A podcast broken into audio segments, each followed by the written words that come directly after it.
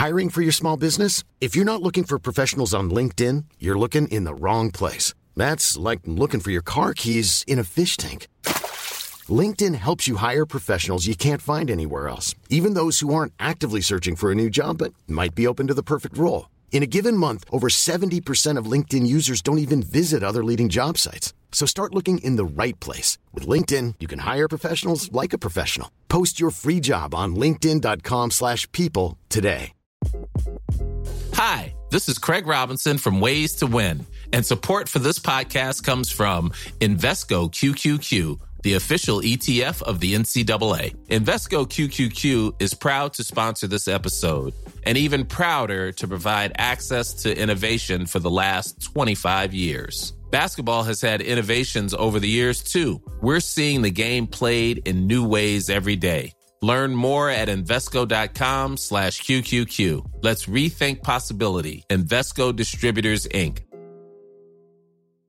Normally, being a little extra might be a bit much, but not when it comes to healthcare. That's why United Healthcare's Health Protector Guard fixed indemnity insurance plans, underwritten by Golden Rule Insurance Company, supplement your primary plan so you manage out of pocket costs. Learn more at uh1.com.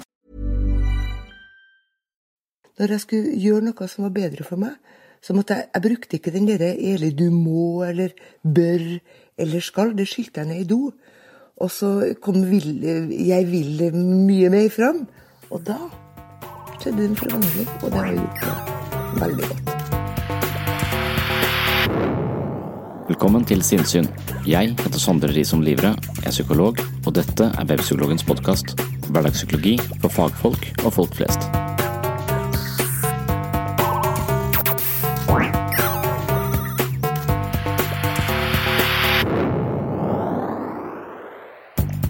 James Clair har skrevet en bok som heter Atomic Habits. Den er en fascinerende reise i utviklingen av både gode og dårlige vaner. Clair påstår at atomene, eller de minste bestanddelene i et godt liv, er vaner.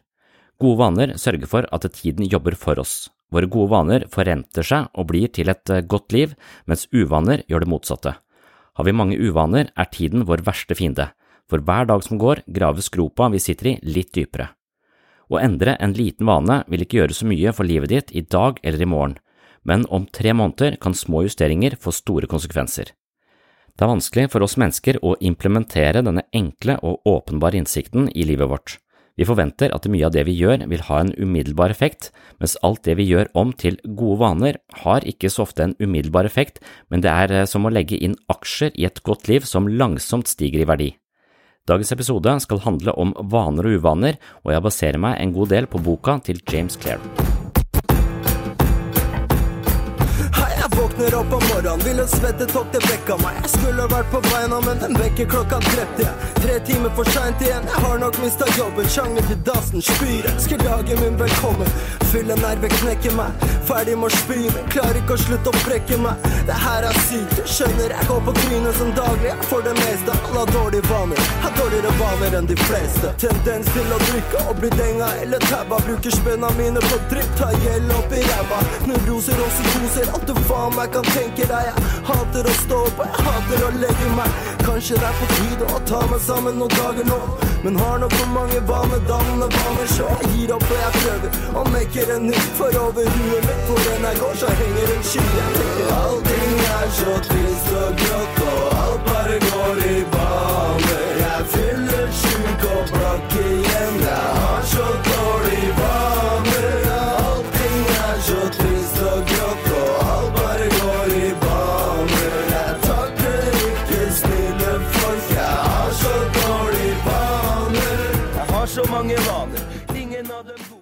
I 1954 gjennomførte nevroforskerne James Olds og Peter Milner et eksperiment på rotter. De blokkerte for nevrotransmitterne som skiller ut dopamin for å se hvordan rottene oppførte seg. Det viste seg at rottene mista viljen til å leve uten dopamin, noe som var et ganske overraskende funn. Rottene mista alt initiativ, de slukket verken tørsten eller tok til seg mat, og til slutt døde de av dehydrering. Menneskehjernen skiller også ut dopamin. Det er rett og slett hormonet som sørger for at vi føler oss vel, samtidig som det er et eh, hormon som ansporer oss til å gjøre ting som på sikt gjør oss godt. Når vi spiser eller har sex, er det dopaminet som akkompagnerer den gode følelsen, og selv tanken på å gjøre lystbetonte ting gir oss et lite tilskudd av dopamin. Dette stoffet utgjør med andre ord en del av nevrokjemien bak vår livslyst. Det er blant annet dopamin som driver oss, motiverer oss og sørger for engasjement og interesse i det vi foretar oss. Siden vi får en viss tilførsel av dopaminrus også av å forestille oss tenkte gleder, kan man anta at mennesker med en optimistisk innstilling har mer av dette enn pessimistene. Og på dette området kan man trygt si at de går glipp av noe, altså pessimistene. Siden dopaminet er selve drivstoffet i vår livslyst, og ikke bare noe som skilles ut når vi får det vi har lyst på, er det med på å forklare hvorfor barn får mye ut av å glede seg til jul, og hvorfor dagdrømming eller planlegging av noe spennende virker vitaliserende på oss mennesker. Denne innsikten i dopaminets psykologiske virke kan vi bruke til å skape oss gode vaner. Vi kan sørge for at de gode vanene assosieres med noe godt og positivt, hvorpå de blir lettere å gjøre om til en hverdagslig rutine. Eksempelvis hører jeg alltid på lydbok når jeg trener. Jeg er ikke så glad i å føle smerten som følger av eh, tunge løft, eh, squats eller situps, men jeg elsker å høre en god roman eller en interessant podkast.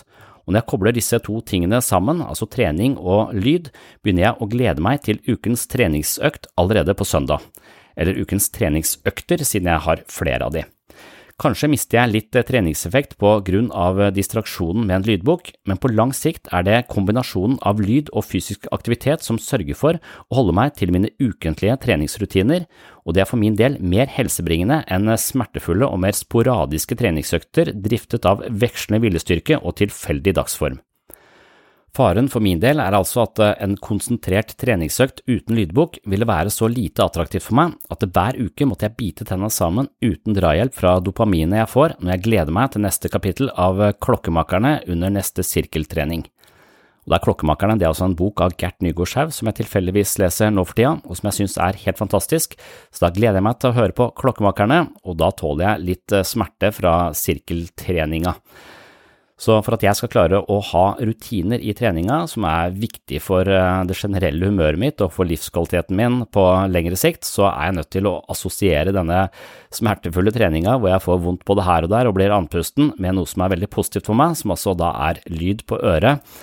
Og på den måten så klarer jeg å opprettholde denne treningsrutinen uke etter uke, år etter år og det er altså en måte å hacke seg selv på, og koble det som er lystbetont med noe som er litt mindre lystbetont, men likevel viktig. Så hvis du klarer å gjøre aktiviteter som du anser for viktige, eh, men ubehagelige, attraktive ved å koble inn elementer du liker godt, er mulighetene for å installere gode rutiner og vaner i livet mye høyere, rett og slett fordi du får tilførsel av motiverende nevrokjemi. James Clare skriver om en eh, ingeniør fra Irland som eh, visste at han måtte trene mer for å unngå livsstilssykdommer, men han mangla motivasjon og viljestyrke til å trene på ukentlig basis. Han var imidlertid lidenskapelig opptatt av filmer og serier, og brukte mye tid på Netflix og HBO. Hans løsning, i kraft av sine ingeniørkunnskaper, ble å hacke TV-en slik at den ble kobla til en ergometersykkel og kun viste Netflix når han var aktivt syklende i et visst tempo. Var, ikke, altså, det var ikke sykkelen som uh, ga strøm til TV-en, men det var uh, at han måtte opp i et visst tempo på sykkelen for at uh, Netflix skulle starte. Så på den måten ble sykling noe han så frem til, på samme måte som sirkeltrening er blant ukens høydepunkter for min del. På dette området er det bare fantasien som setter grenser. Selv er jeg heldig fordi lydbok, podkaster og musikk er noe jeg elsker, og det kan jeg koble opp mot alt fra tøyvask, husmaling, trening og hjernedødt kontorarbeid.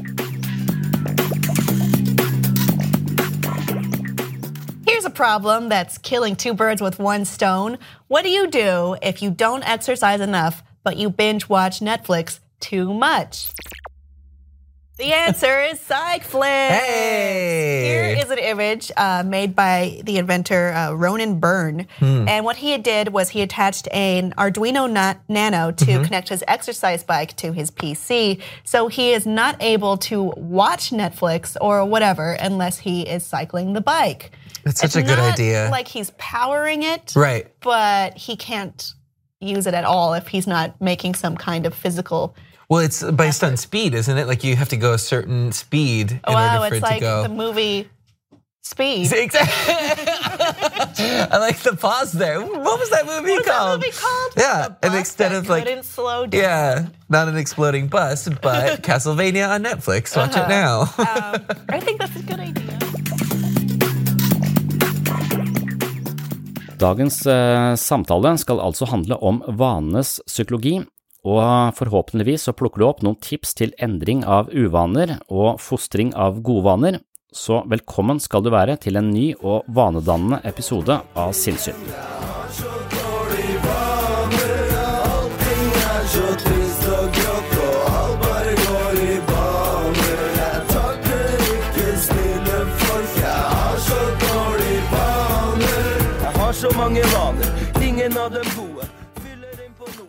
Nå har jeg bladd i en bok igjen eh, av en fyr som heter James Clear, som har skrevet eh, Atomic Habits. Det syns jeg passa til eh, det som ble kalt horisontproblemet. Og jeg syns det er en ganske interessant måte å tenke på. Og en litt sånn undervurdert måte å tenke på. Jeg syns det er litt rart at folk stort sett bare én gang i året tenker på sine egne vaner. Og det er ved nyttårsaften, liksom. Så resten av året så går vi mer eller mindre på autopilot. Og så tror jeg vaner og de rutinene vi legger oss til, de har så enormt mye å si. Jeg tror det er litt som at eh, hvis et fly tar av i New York, og kapteinen bare endrer kursen sånn to grader, liksom, så er det ingen i flyet som merker at eh, kursen på flyet er bitte lite grann endra, men så ender de opp i Moskva istedenfor London. Så, så det er bitte, bitte små justeringer vil på lang sikt ende et helt annet sted enn det du eh, hadde regna med. Og sånn tror jeg det er med vanene våre, eller rutinene våre. At ganske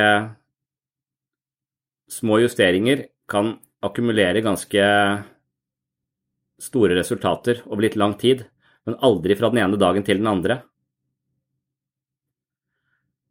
Så det å kjenne hva, liksom, hva, er en, hva er en vane? En vane er jo en slags eh, reaksjon på et problem som oppstår jevnlig, som vi har eh, funnet en strategi for å, for å løse. Og så kan man si eh, vi har gode vaner og vi har dårlige vaner. Og hva er forskjellen på de to tinga? Og for meg så virker det som om dårlige vaner som regel gir en slags umiddelbar tilfredsstillelse. Det er noe som løser et problem umiddelbart. Mens eh, de gode vanene, de gir oss ikke den uh, umiddelbare tilfredsstillelsen der og da, men uh, har en eller annen uh, gevinst på mye lengre sikt, da. Og at vi liksom er rigga litt sånn evolusjonært sett på å finne ly når stormen kommer, eller drepe et dyr når vi er sultne. At vi er rigga litt for, å, for reaksjoner og handlemåter som en Som løser problemet umiddelbart. Da. Og så lever vi nå i en verden hvor det er veldig få ting som Stort sett så er det de langsiktige målene som, som borger for et godt liv. Så det å grabbe til seg karbohydrater fordi de er tilgjengelige, det var mye overlevelse i det på et eller annet tidspunkt. Men nå er det bare livsstilssykdommer i det. Fordi vi har så mange. Så kan man jo si liksom at det, når, jeg, når jeg snakker om dette med eh, Vi forlot akkurat en samtale hvor det var en som snakket om å, at, man, at han var deprimert ved jevne mellomrom, men at det pleide bare å gå over av seg sjøl. Og, og, så skjønte jeg ikke helt hvorfor disse depresjonene kom. Jeg, som jeg har sagt før, så tror jeg det er 3000 årsaker til at vi er deprimerte, eller at vi ender opp i en depressiv reaksjon. Og jeg tror at det er fordi at noen venter på at Jesus eller Gud skal komme tilbake og dømme levende og døde. Jeg tror han er her hele tiden jeg, og dømmer levende og døde. Så du har en slags evaluering hele tiden, så den situasjonen du befinner deg i, er alltid et resultat, eller det er summen av alle de små tingene du har gjort de tre siste månedene. Det er det du eh, evalueres på i dag. som du da havner i helvete eller i himmelen, det kommer da helt an på hva slags eh, rutiner og handlinger du har foretatt de siste, de siste tre månedene.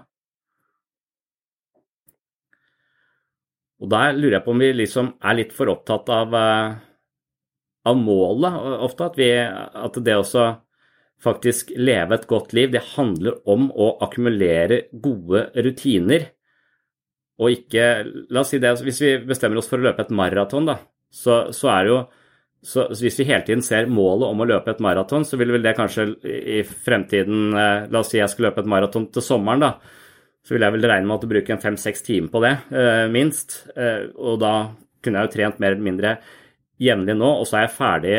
og så gjennomfører jeg maratonen, og da er spørsmålet hva gjør jeg med det? Da er jo det noe som jeg har gjort. Jeg kan jo prøve å huske på det og tenke ja, det var flott at jeg klarte uh, for tre år siden. Men hvis jeg virkelig skal, skal, få noe ut av det, så må jeg jo på en måte dyrke det å være en løper. Jeg må jo jeg må ikke egentlig tenke jeg, jeg, må, jeg må finne en vei til å bli en, en løper.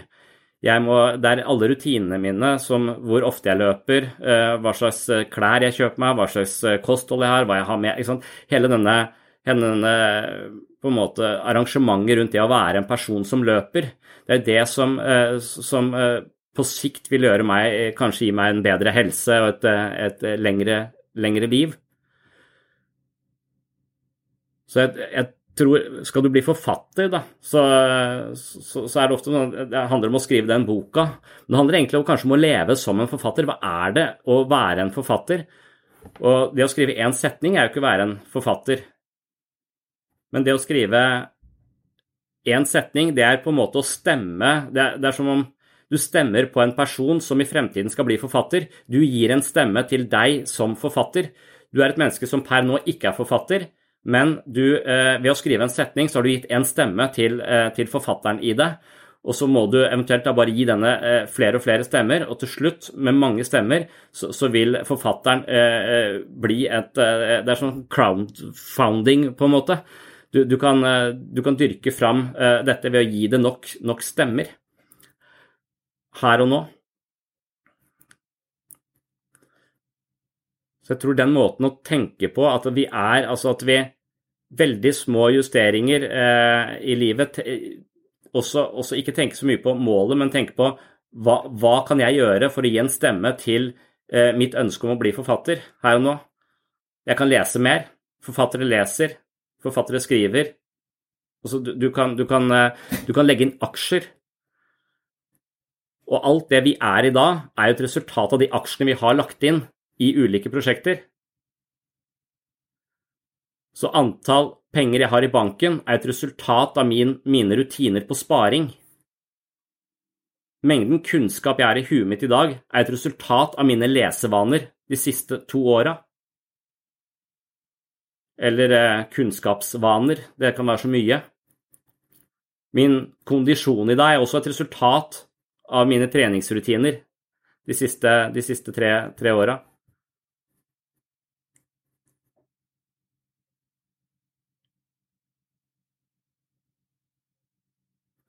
Så det er ganske åpenbart, men det er vanskelig, fordi at det, det, å, det å, forstå at dette tre grader kursendring ender du i Moskva istedenfor i, for i London, det er, eh, det er ganske mye.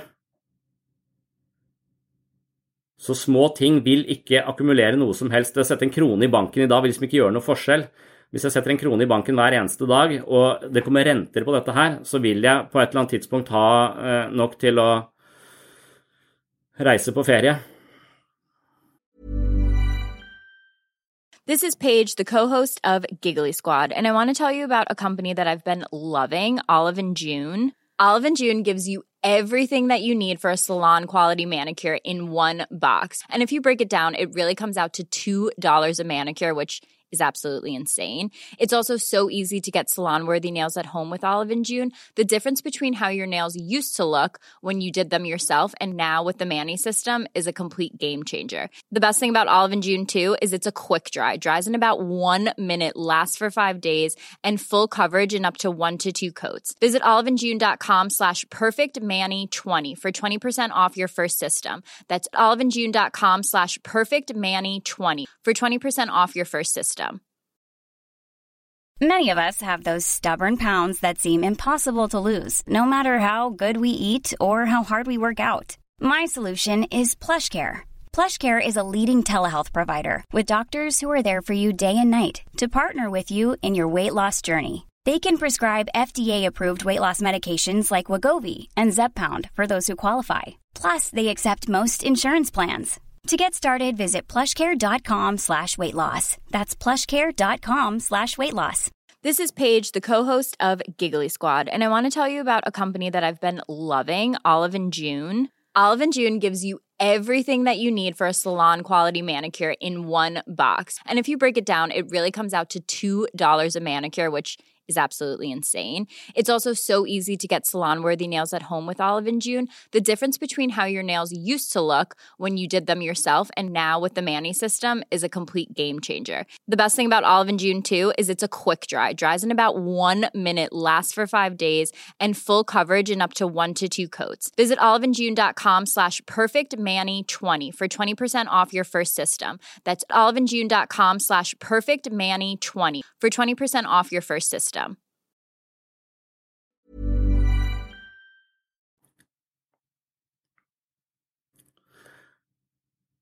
Men så, så, tror jeg ikke vi dette, dette, er jo det man kaller horisontproblemet. da. Det er akkurat som miljøspørsmålet. Altså det er, det er jo tydeligvis Frp-politikere som ikke ser, vet forskjell på vær og, og, og, og klima. Og, at de kan tvitre på hytta at nå er det jævlig kaldt på Hemsedal, så nå er global oppvarming avlyst. Faen noe dumt. Men, men, miljøet er liksom et i, i samme sjangeren, fordi at det, det, spiller jo ingen rolle om jeg da kildesorterer i dag. Altså, huset mitt står i morgen. Plasten kom i den andre søpla enn det den egentlig skulle. Det gjør ingen forskjell på planeten der i, i, i morgen. Men på lang sikt så blir eh, vi dømt for vår atferd i dag og for vår kildesortering i dag. Og på lang sikt så vil alle disse små elvene bli til en stor å, og verden går under.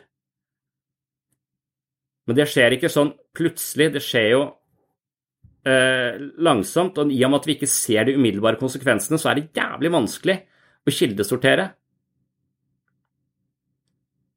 Og i og med at vi, så, så vi er liksom rigga for uh, å gjøre ting som umiddelbart er ganske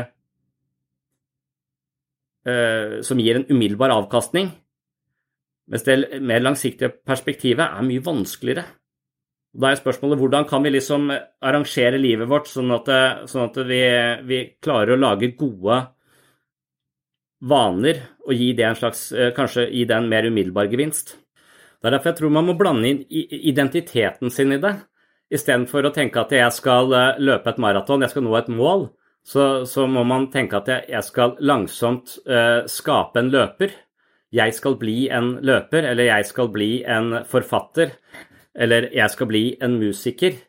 Og jeg skal leve som det, og alle de små tingene jeg da klarer å putte inn som nye rutiner, som legger inn aksjer i den uh, aktiviteten, det gjør meg litt mer til det, at jeg identifiserer meg som det. Og da, dermed så må du ja, og så trives underveis, ikke nødvendigvis nå et sånt uh, veldig langsiktig, langsiktig mål. Og, og, det er jo det som er med rutiner, at de Det er veldig vanskelig å etablere de rutinene som gir langsiktige gevinster, og lett å etablere de rutinene som gir umiddelbare gevinster. Men så lenge, du, så, så lenge, du, har gode rutiner, men ikke opprettholder de over tid, så er det egentlig litt lite, litt lite verdt. De, de, må, de, må, bli en inkorporert del av deg, og det må også da etter hvert gå på en sånn type rutine at du slipper å velge det. For det er vel det vi ofte vi, vi, vi tror at vi liker en form for frihet. Så jeg binder meg ikke til denne løpegruppa. Jeg bare jeg blir med når jeg kan. Eh, og vi tror at vi gjør oss selv en tjeneste, det er sånn, men jeg tror vi bare da sørger for at vi hver eneste gang vi skal på, på løpetur, hvis det er løping vi vil bli, da, så må vi gå i dialog med oss selv. Og så må vi snakke til oss selv. 'Nå syns jeg du skal gå og trene.' 'Nei, men jeg har vært litt forkjøla i det siste.' Så, så kommer det en milliard forskjellige stemmer inn og skal ha en eller annen eh? Det er sånn der, Det er demokrati på sitt verste. Alle skal ha noe å si om, uh, om vi skal løpe eller ikke skal løpe. Så, uh, så, så noen sånne ting må bare gå på, på autopilot. Det skal ikke gjøres som til et valg. Hver gang du gjør livet ditt om til Hver gang du gjør livet ditt sånn uforutsigbart, så må du hele tiden velge nye situasjoner. Og valg er vi ikke gode på, fordi det er en million faktorer som, eh, som uh, sørger for å dytte valget vårt i en bestemt retning, og da gjerne i den umiddelbare behovstilfredsstillelsesretningen. Eller nei, det er litt vanskelig, og det er litt lettere å, å, å la være. Så det kan være blodsukker, det kan være søvnmangel, det kan være eh, allergi. Det kan være sant, alle sånne ting som spiller inn på hvert eneste valg. Så hver gang vi ikke virkelig forplikter oss og klarer å inkorporere det til en sånn uh, naturlig del Akkurat som det å pusse tenner, det er jo noe de fleste gjør hver eneste dag uten å tenke seg om. Og der, når den vanen ryker, da er du ganske deprimert, som regel. Eh, men, men da, og da begynner du ganske på scratch, for da må du begynne å inkorporere de vanlige vedlikehold av egen hygiene-greie for, for, å komme tilbake til, uh, til livet. Men det er ikke, jeg står ikke opp om morgenen og tenker ah, skal jeg gidde å pusse tennene i dag, da? Jeg, sånn, det, det, er ikke Jeg tenker på alt mulig annet, jeg. Jeg har outsourca der pusse tenner. Det er noe jeg gjør uansett på morgenen og på kvelden. Da, litt, da, da ender vi opp på den at det, vi er mer for den ideen som handler om å skape seg selv, enn å finne seg selv.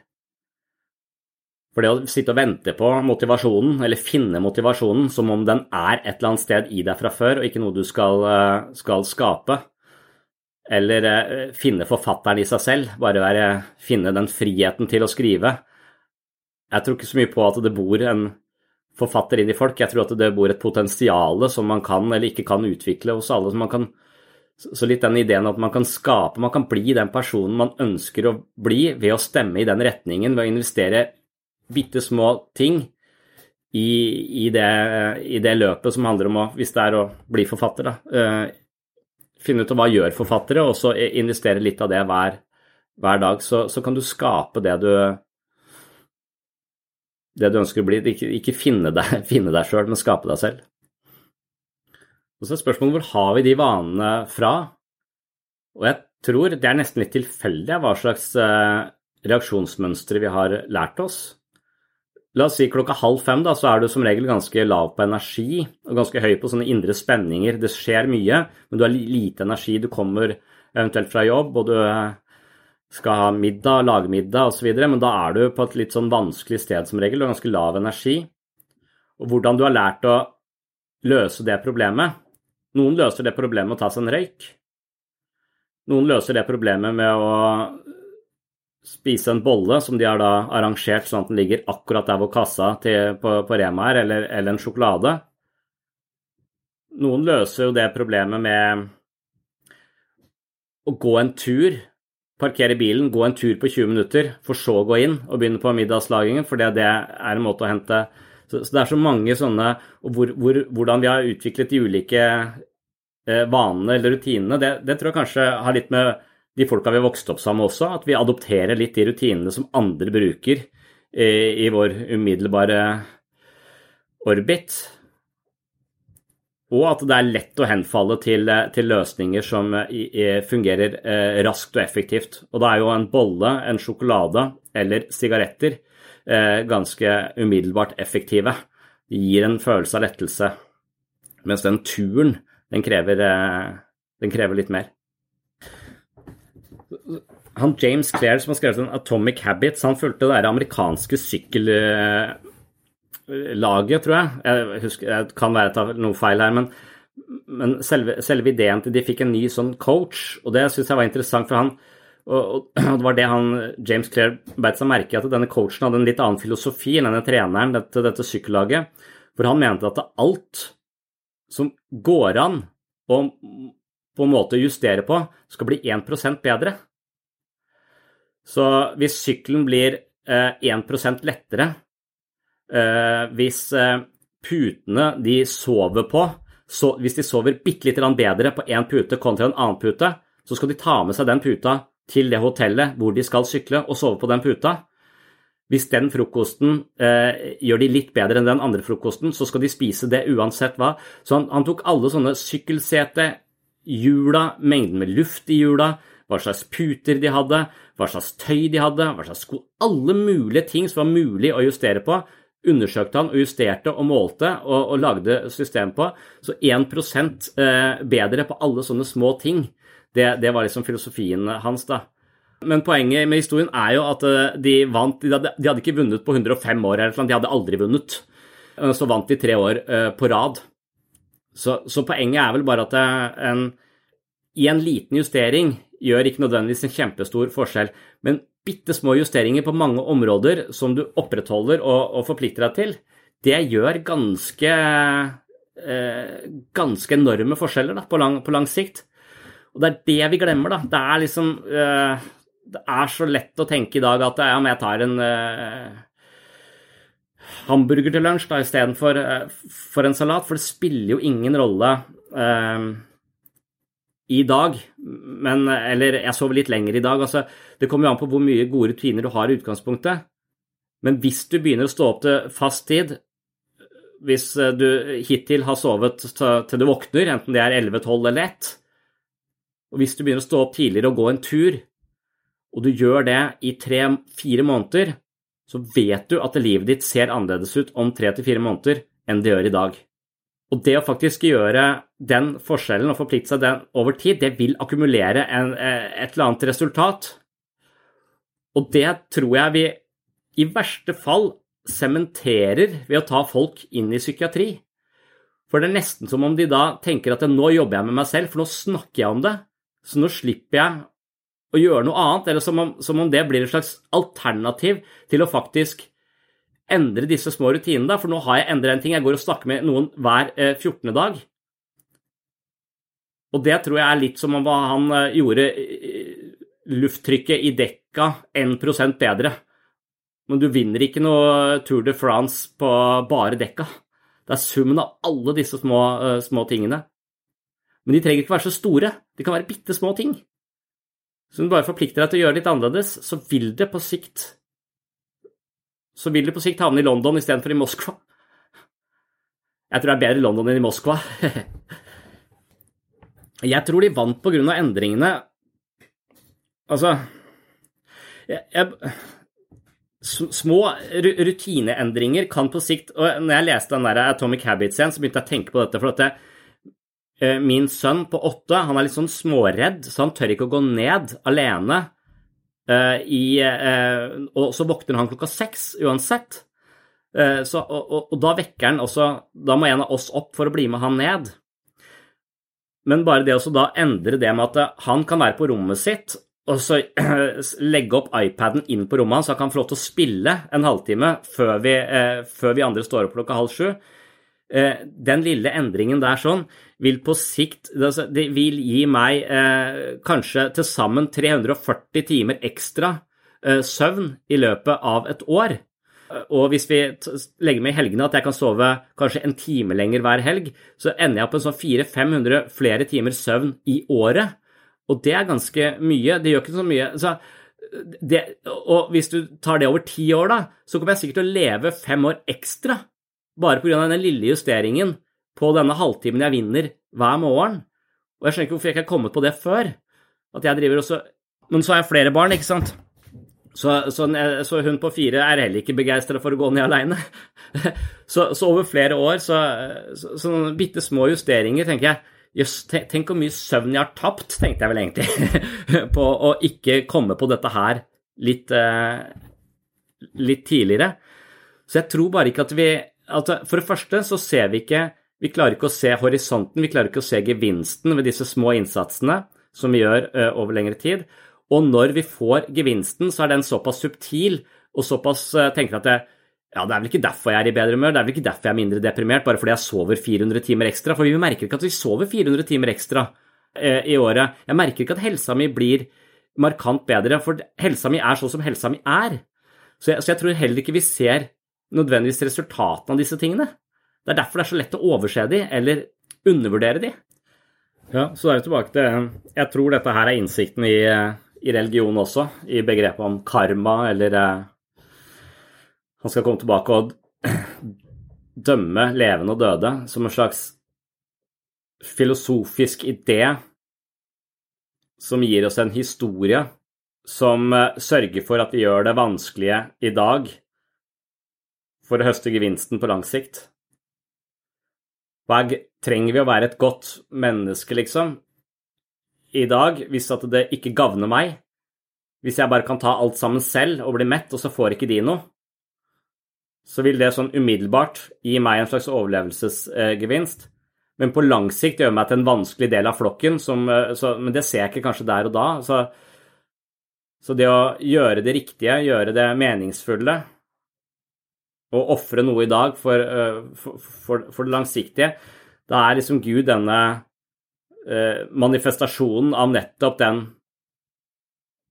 innsikten at vi kan ofre noe i dag for at morgendagen skal bli bedre. Og da blir vi dømt i morgen på det vi gjorde i dag, på en måte. Og det, det skjer uavhengig av om Gud fins eller ikke. For er, han, han er bare en slags, bare en slags sånn idé vi har som vi kan prøve å late som om eller tro på at det eksisterer, for å motiveres til å gjøre, gjøre de tingene. Ja, jeg tror jeg prøver å si, er at, at målet ikke nødvendigvis Altså at vi, altså det, For det å fokusere på målet så Hvis systemet ditt er bra, eh, hvis strategiene dine er gode, så vil målet komme av seg sjøl, på en måte. Det vil, alltid, det, det vil, du akkumulere hele tiden, eh, resultatene av den, eh, den, innsatsen du gjør. Sånn at det jeg, jeg, jeg tror du i første omgang må skjønne hvor viktig disse små rutinene er på lang sikt og, og, og virkelig eh, La oss si du bestemmer deg da, for å jogge rett etter jobb fra halv fire til halv fem.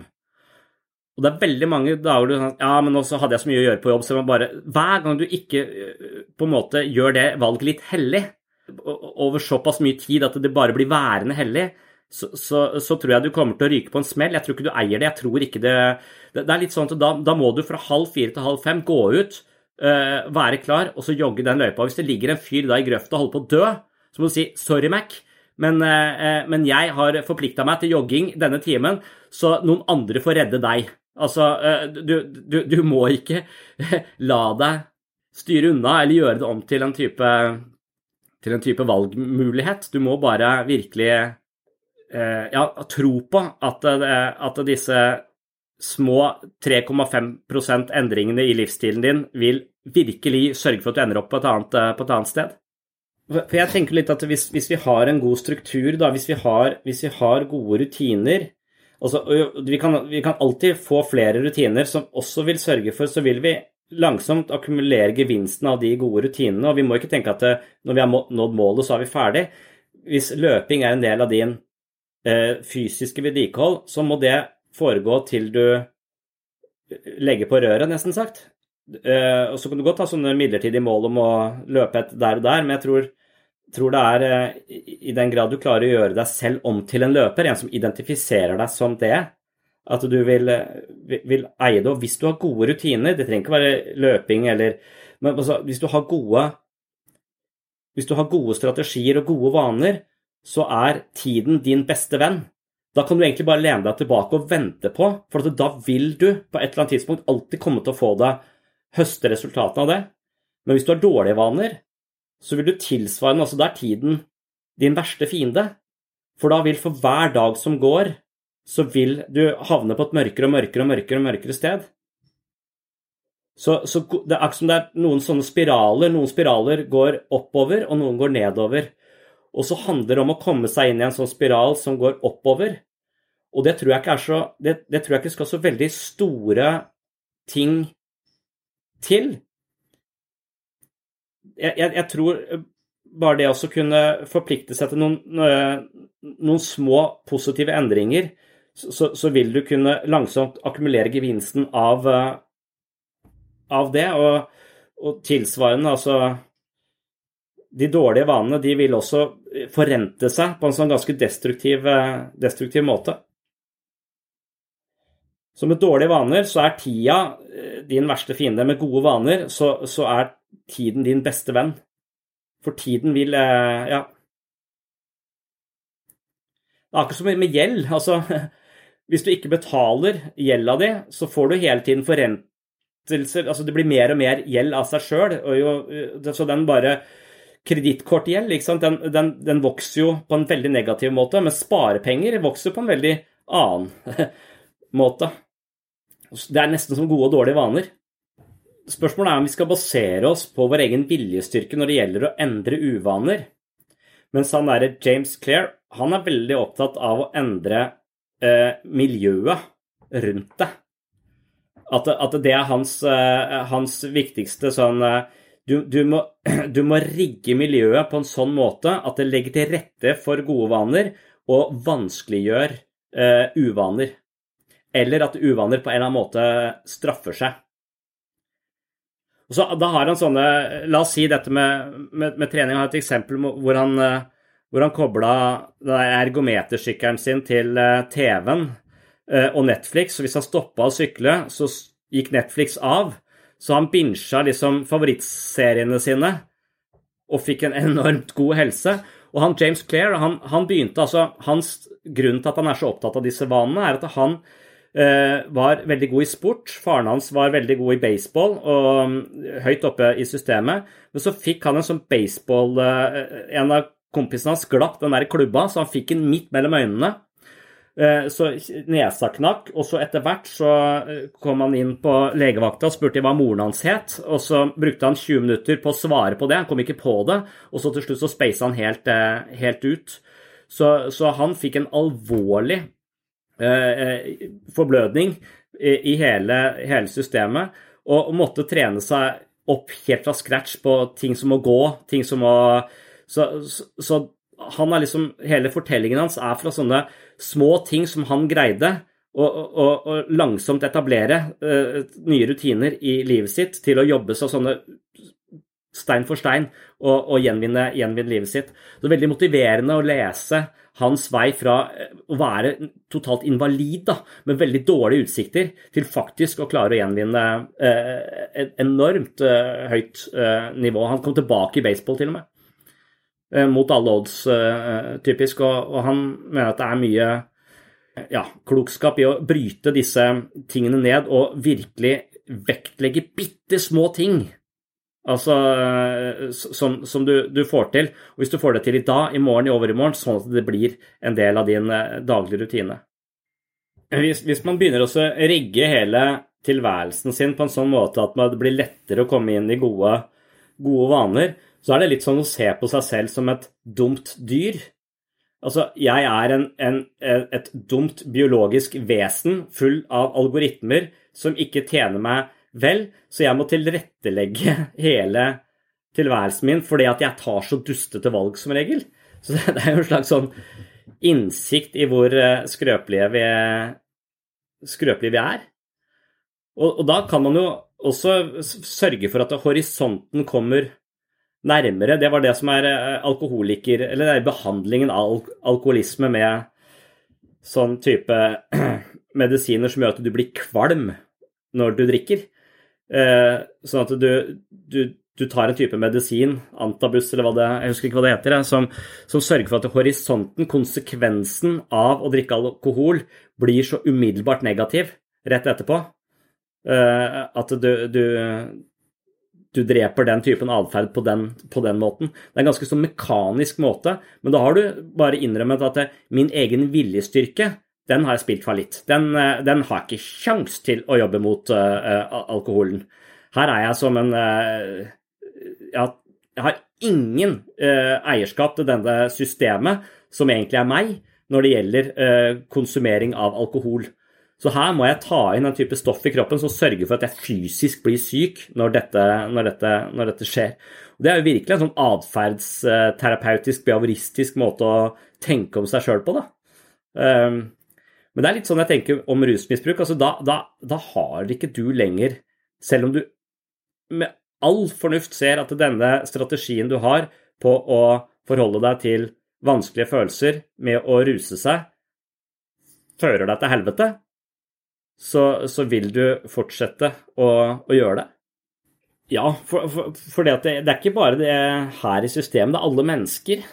Eh, vi har enorme eh, evner til å rasjonalisere og, og sannsynliggjøre og legitimere eh, valg som av og til løper angstens tjeneste eller velbehagets tjeneste eller et eller annet som, som, på kort sikt sørger for at vi får det litt bedre, mens på lang sikt fucker oss opp. Så det er jo det, det, tror jeg tilhører nesten alle mennesker. Jeg tror da kommer vi tilbake til den der løvenes konge. Vi har disse hyenene som driver og hvisker ting i øret på eh, Mufasa hele tiden.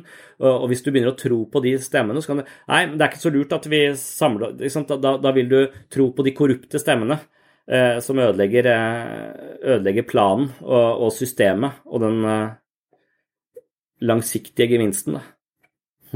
Jeg, jeg, lurer på åssen den forskjellen der er på For dårlige vaner, de vil jo da bare grave hullet Du sitter i dypere og dypere for hver dag som går, på, på sett og vis, så kan du forstå det. Og hva, er forholdet mellom å slutte med dårlige vaner og eventuelt bare begynne med bedre vaner, og ikke, være, ikke vie så mye oppmerksomhet til de dårlige vanene, men bare prøve å investere mest mulig i nye vaner. Altså nye, nye rutiner. For det, det, virker litt som Østen og Vestens psykologi sånn generelt sett. Også, sånn som Dalai Lama vi i, øst, vi i Vesten vil liksom si at ja, aggresjon det er en følelse du må forstå, du må gå inn i den, du må liksom eh, eh Ja, det er en, følelsene skal analyseres, og vi skal undersøke de osv. Mens Dalai Lama vil være med på at nei, du skal meditere på kjærlighet. For hvis du har masse kjærlighet, så er det ikke plass til aggresjon, for det to er mot, to, totalt motstridende uh, følelser. Hat og kjærlighet de, Hvis du er veldig uh, kjærlig, så vil det ikke være plass til Så han prøver mer å bare investere i Det virker som den strategien bare istedenfor å være så opptatt av de negative vanene våre, eller de dårlige vanene, prøve å konstruere gode, nye vaner, så vil de etter hvert ta så stor plass at de utkonkurrerer de dårlige.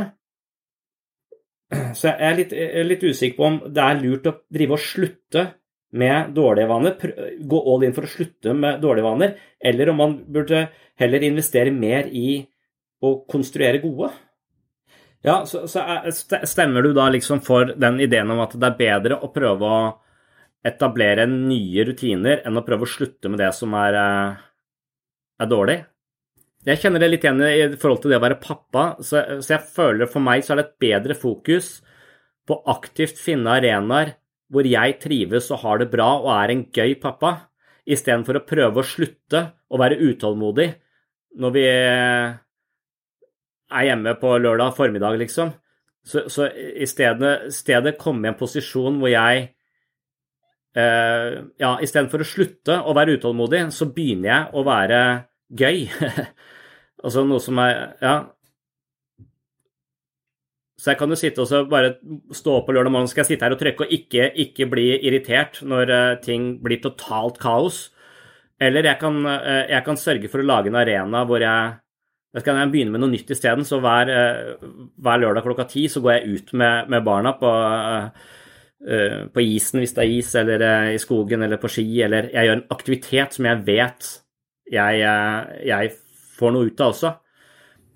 Men, men, jeg tror også det har vært min sånn hacking av meg selv, at jeg har vært veldig opptatt av å gjøre eh, kjedelige ting som jeg vet jeg må gjøre, om til koble, assosiere det til positive ting. Eh, så barn er en ting at jeg er nødt til å gjøre ting som jeg syns er gøy, for hvis ikke så visner jeg. Mens, eh, mens, det å vaske opp Eller jeg gleder meg til oppvasken etter middagen, for da hører jeg på Gjever og gjengen. det er sånn jeg får nyheter. ikke sant? Så, så jeg gleder meg til å høre på Anders Giæver. Uh, og på fredagen så snakker han med Thomas Giertsen, ikke sant. Så uh, ekstra stas, da er det helg. uh, så, så, at jeg, så at jeg kobler positive og kjedelige ting. Altså at jeg lager assosiasjoner mellom de. Og det tror jeg kanskje også f.eks. å meditere, da, som jeg syns er litt vanskelig, men som jeg prøver en praksis for, så tror jeg veldig mange steder i omgivelsene våre også på en måte er liksom biased i forhold til å assosiere med ulike ting. Så hvis sofaen er det stedet hvor jeg ser på Netflix, og jeg skal begynne å bruke sofaen til det stedet hvor jeg sitter med meditasjonsappen til Sam Harris, så er det som om hele systemet mitt er kobla på Netflix, og at jeg drages mot Netflix og ikke klarer å meditere. Så, jeg, så det, omgivelsene mine også er kobla inn i disse eh, Fanger meg på en eller annen måte. Så jeg må, jeg, jeg må sette av egne områder i huset. Jeg lager et nytt område. Det kan være så lite som å bare sette en stol i et annet hjørne. Eh, For i det hjørnet, det hører, da skal det assosieres med meditasjon, f.eks. Så dette er sånn jeg går totalt atferdsanalytisk til verks på, på meg selv og mine egne vaner. Jeg tror kanskje vi tenker sånn, ja, vi burde klare oss. Det er litt sånn jeg har tenkt om rusmisbrukere. altså Du er ikke en du har ikke et naturlig forhold til dette med mindre du kan omgås alkohol på en naturlig måte, liksom. Så lenge du hele tiden er fanget av det. Men jeg tror at vi er enormt skrøpelige. Så jeg tror at hvis jeg liksom skal tenke at ja, jeg skal klare å overvinne Netflix-suget i sofaen med meditasjon, så tror jeg kanskje at jeg overvurderer meg selv, da. Og at jeg, at jeg på et eller annet tidspunkt kan komme til å klare det, men jeg må først sitte i det der jævla hjørnet mitt og, og faktisk lære meg å meditere og bli, komme opp et visst nivå. Så, så, jeg, så, jeg, tror at kanskje jeg kan begynne å flekse med mine eh, akkumulerte gevinster av det jeg holdt på med ganske langt inn i fremtiden. Og, og, at jeg ikke kan Ja, jeg må begynne med å innse at her må jeg lage nye rutiner. Og når de er såpass etablert at de ligger i fingertuppene mine, så kan jeg begynne å eksperimentere litt mer med de. At de er, ligger helt naturlig for meg uansett hvor jeg er hen. Jeg syns det er vanskelig å vite her, hva som er forholdet mellom det å være sånn raus og, og, og god med seg selv, kontra det å jeg vil, jeg, jeg vil, tenke at jeg har et prinsipp om at jeg forplikter meg til ett menneske, og det å da være sammen med et annet menneske på den måten, det vil være utroskap i mine, i mine prinsipper. Og det å bestemme seg for at jeg skal gå en tur hver morgen, og så ikke gjøre det, det vil være et slags utroskap mot meg selv. Og jeg ville få enormt dårlig samvittighet hvis jeg var utro mot et annet menneske, men jeg hadde ikke hatt fullt så dårlig samvittighet for å være utro mot meg selv. For jeg er jo ikke så mye verdt. Så at jeg for, for, Og de fleste har vel den tanken, eller noen har ikke den tanken, da, og da er du, da er du psykopat. Men de fleste er jo ikke psykopater. De fleste vil kanskje hedre avtaler de har mot andre mennesker de bryr seg om, litt høyere enn de hedrer avtalene de har gjort med seg sjøl. Det er akkurat det samme som å være forelder. det der, altså er, du, er du snill mot barna når du bare lar dem spille iPad? Eh, eller er du snill mot barna når du tar den kampen og får den vekk og hjelper de ut av huset, så det ikke råtner på rot i stua, på en måte? Men man kan også tenke, det er litt sånn, når du tenker sånn veldig sånn atferdsanalytisk på det, at jeg kan lure på om jeg i i en situasjon hvor jeg, hvor jeg, tenker at ok, du er litt utålmodig, du blir irritert eh, på La oss si det er på lørdag morgen, da. Eller på lørdag formiddag når jeg er inne for, for lenge. Så kan jeg si at jeg lærer ingenting hvis jeg da plutselig endrer den atferden og går ut. Så da har jeg, da har jeg på en måte bare finta min utålmodighetsproblem ved å gjøre noe annet. Men da, jeg føler også at det er løsningsorientert, for da, da, lager jeg en setting, jeg lager en ny rutine som gjør at jeg føler meg selv bedre. Jeg akkumulerer gevinsten av det med en selvfølelse, og jeg har et bedre relasjon til barnet. Alt, mange av disse tingene uh, vil på sikt uh, forrente seg. Uh, og da vil Jeg tror tålmodigheten komme litt av seg selv, fordi jeg har en Jeg har et bedre forhold til meg sjøl igjen. Men det, dette er noe annet enn, nå snakker vi om noe annet enn vaner, da. For nå snakker vi om hvordan vi håndterer en umiddelbar eh, situasjon som er vanskelig for oss, f.eks. en vanskelig følelse. Hvordan håndterer vi den? Hva er rutinene våre for å håndtere vanskelige følelser? Er det å snakke om de, eller er det å drikke gin tonic? Altså, det er to forskjellige eh, vaner vi har i møte med vanskelige følelser. Så, så, så det blir, jo viktig å, å, å, finne de Og det er nok det å kunne håndtere sitt eget indre liv også på en sånn uh, mer uh, konstruktiv måte, som, som også er en, en, del av dette her. Og da, da, tror jeg det kommer til en sånn følelse at Eller det å endre en noen, mange av de dårlige vanene våre de, de, sørger for at vi får det bedre i øyeblikket, men de fucker opp på lengre sikt. Mens de gode vanene de gjør at vi får det litt vanskeligere i øyeblikket, men bedre på lengre sikt. Så dermed så, så, så, kan vi av og til kanskje vite om vi gjør det riktige ved om vi gjør det, det som er veldig lett der og da, eller det som er litt vanskeligere der og da. Og veldig mange av de vanskelige De gode strategiene våre er vanskelige, vanskelige der og da. Det kan jo være en slags pekepinn på, og det er de vi skal gjøre om til rutiner. Og det vi kanskje må ha da, er mot. For mot er ikke noe man kan Altså mot Noen ganger så tenker man at ja, jeg skal bare gjøre det til fake it til å make it. Jeg skal bare gjøre det helt til det, det, jeg eier det, og det blir sånn, nesten. Men mot er per definisjon noe som du alltid faker. For at du, du gjør noe som du egentlig ikke tør. Det er det som er mot. Så, så, du er ikke modig hvis du ikke syns det er skummelt. Så, så, mot er alltid noe du må fake. Eh, til, så, så, det da å, å, ha en porsjon mot er også ganske en slags faktor i dette her. Ved å gjøre de tingene hvor du tenker at ah, denne samtalen her sånn, den, kommer, den orker jeg ikke å ta. Det å føle seg så sårbar, det orker jeg ikke, så jeg bare fyrer tilbake med samme mynt isteden. Eh, så, vet du at det det vil eh, sørge for en slags beskyttelse av deg selv der og da, eh, mens det kommer til å skape en vegg mellom deg og den andre på lang, på lang sikt. Så de har mot i øyeblikket. Og da er vi tilbake til the hero's journey. Altså vi tørre å gjøre det, det riktige. Det er ofte det det også står på, da. Hvor modige er vi? Og mot er ikke en følelse som, bare, som kommer lett. Det, altså det, for det er, det er ikke mot. Da er du ikke Hvis det er lett for deg, så er du ikke modig. Så det er kanskje noe man kan tenke på. Hva er det modig å gjøre i denne situasjonen jeg er i akkurat nå? Sånn tror jeg av og til jeg tenker spesielt i konflikter på hjemmebane. Hva er det du helst vil nå? Bare gå og legge meg, ikke snakke til uh, den andre personen uh, før om to dager. Det er lett for meg. Det vanskelige for meg er å gå og si du, sorry, nå ble jeg veldig uh, Jeg var veldig stressa i stad. Det var ikke altså, det, er det, det, er det modige. Det er, alt byr imot.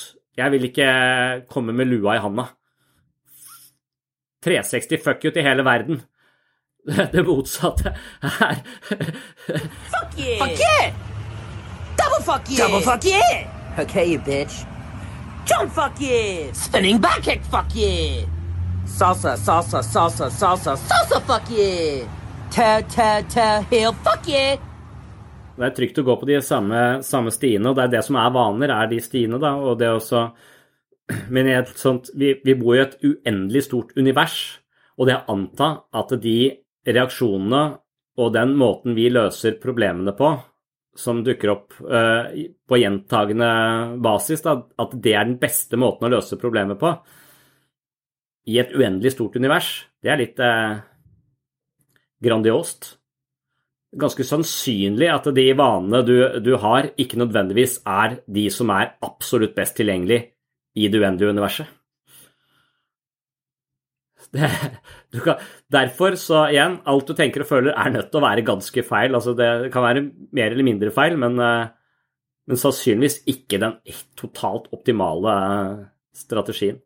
Men igjen, du må ha mot, da. For hvis du skal gå på en helt ny sti som ikke er oppgått, så er jo sjansen for å gå seg vill ganske, ganske stor, eller havne i et eller annet kratt hvor du ikke finner noe ja. Fyller inn på noe til det svinger inn i hodet. Aldri har jeg latt noen få tvinge meg til noe, så jeg hooker opp med herreløse syngere som joker. Våkner opp om morgenen, føler meg som 50 øre. Sjekker om det er noe droger jeg har glemt å gjøre. Neppe. Trekker joint med rester ifra bordet. Gjør faen ikke annet enn å fighte med demoner.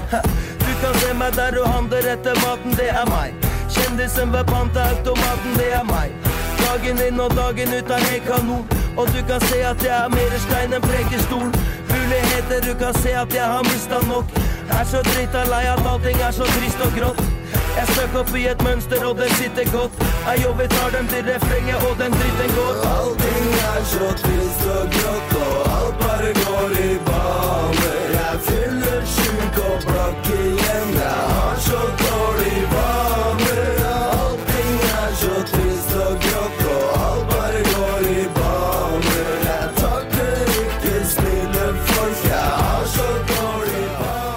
Det var det jeg hadde å si om eh, vanenes psykologi i denne omgang. Lydsporet du hørte, eller den sangen du hørte ved et par anledninger, det var eh, Onkel P med De herreløse, og refrenget her bygger jo på Jokke Valentinerne sin sang Billig lykke, men det handler altså om eh, dårlige vaner. Er du mer interessert i menneskets indre liv, relasjoner og selvutvikling, så håper jeg selvfølgelig at du klikker deg inn på min Patron-konto og blir supporter av Sinnsyn og Webpsykologen.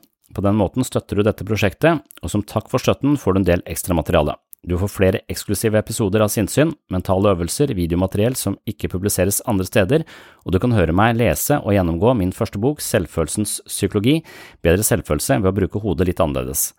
Senere vil jeg også lese inn boka Jeg, meg selv og selvbildet, og til slutt Psykologens journal. Ved hjelp av en rekke psykologiske teorier forsøker jeg å lage et slags eh, treningsprogram hvor man gjør øvelser som styrker selvbildet, selvfølelsen og mentale muskler. Er du blant de som finner verdi her på sinnssyn, og litt over middels interessert i psykologi og filosofi, så er et medlemskap i Sinnsyns mentale helsestudio kanskje noe for deg. Håper å se deg som Patron-supporter. Du finner medlemskapet på patron.com for segs sinnssyn. Takk for følget. Takk til alle dere som har rata podkasten i iTunes, det betyr også veldig mye. Det å ha stjerner i iTunes det gjør at podkasten blir mer eh, synlig. Så ja, hyggelig tilbakemelding der setter jeg stor pris på. Jeg har også fått masse hyggelige tilbakemeldinger på andre plattformer. Jeg legger ut eh, minst to videoer på YouTube hver eneste uke. Det kommer et par–tre videoer på Instagram og Facebook, så hvis ikke du følger meg der allerede, så er det et sted å få med deg aktiviteten til det som foregår på sinnssyn. Av og til så har jeg ulike foredrag rundt forbi, nå ofte eh, digitalt, så da er det mulig å ja, få med seg hva som, hva som, skjer. Så hvis du ikke allerede følger meg i disse sosiale kanalene, så kan det være et sted å hooke seg opp hvis du er interessert i det som eh, legges ut, og det som foregår her på, på sinnssyn. Takk for følget. Det kommer ny episode om ikke så altfor mange dager, så da håper jeg du henger på igjen. På gjenhør.